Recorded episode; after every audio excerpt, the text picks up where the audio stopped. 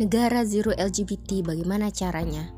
Sejak tak lagi diatur syariat, dunia berjalan tanpa tolak ukur sohi dan menilai benar dan salah suatu isu dan peristiwa. Kapitalisme terus mengeksploitasi isu LGBT demi meraih dua target.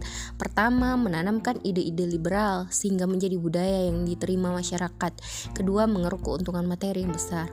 Oktober ini, DC Comics meluncurkan komik Superman sebagai pria biseksual bertepatan dengan National Coming Out Day, hari kesejaran LGBT tahunan yang dimulai di AS. Sementara CNN Indonesia Online memberitakan sisi kemanusiaan LGBT di Afghanistan yang kehabisan makanan dalam persembunyiannya karena diburu Taliban.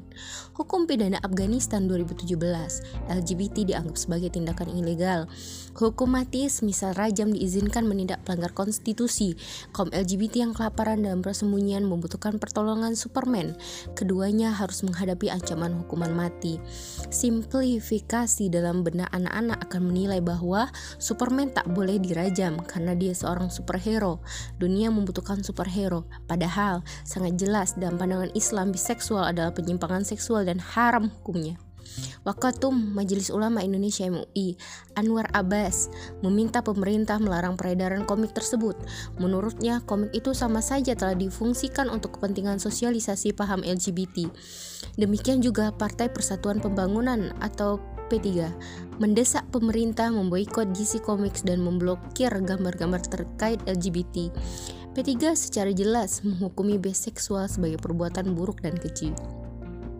Tayangan atau serial komik yang akan dikonsumsi anak-anak sangat berpotensi merusak generasi bangsa. Indonesia sendiri, meskipun termasuk negara yang menolak legalisasi LGBT, tetapi tidak juga menerapkan sanksi terhadap pelaku seks menyimpang. LGBT lebih tepat menempati posisi sebuah pergerakan transnasional, bahkan internasional. Mahfud MD pernah mengingatkan gerakan LGBT mendapat pendanaan dari Badan PBB untuk Pembangunan atau UNDP. Bila yang menggarap jaringan LGBT LGBT adalah lembaga internasional dan negara-negara adidaya menopangnya, menolak, mengancam, dan menindak tegas setiap gerakan lokal dan internasional yang mempromosikan LGBT butuh otoritas politik Islam berupa negara berdasarkan syariat.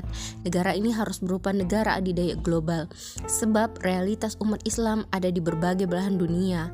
Mereka butuh perlindung yang mampu menjaga umat dari pengaruh peradaban mana pun yang merusak.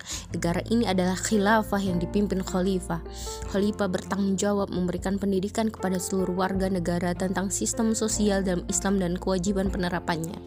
Adapun dalam menghadapi kekuatan internasional yang menekan upaya negeri muslim mewujudkan negara zero LGBT, khilafah akan konsisten menerapkan kebijakan politik luar negeri, yakni dakwah dan jihad.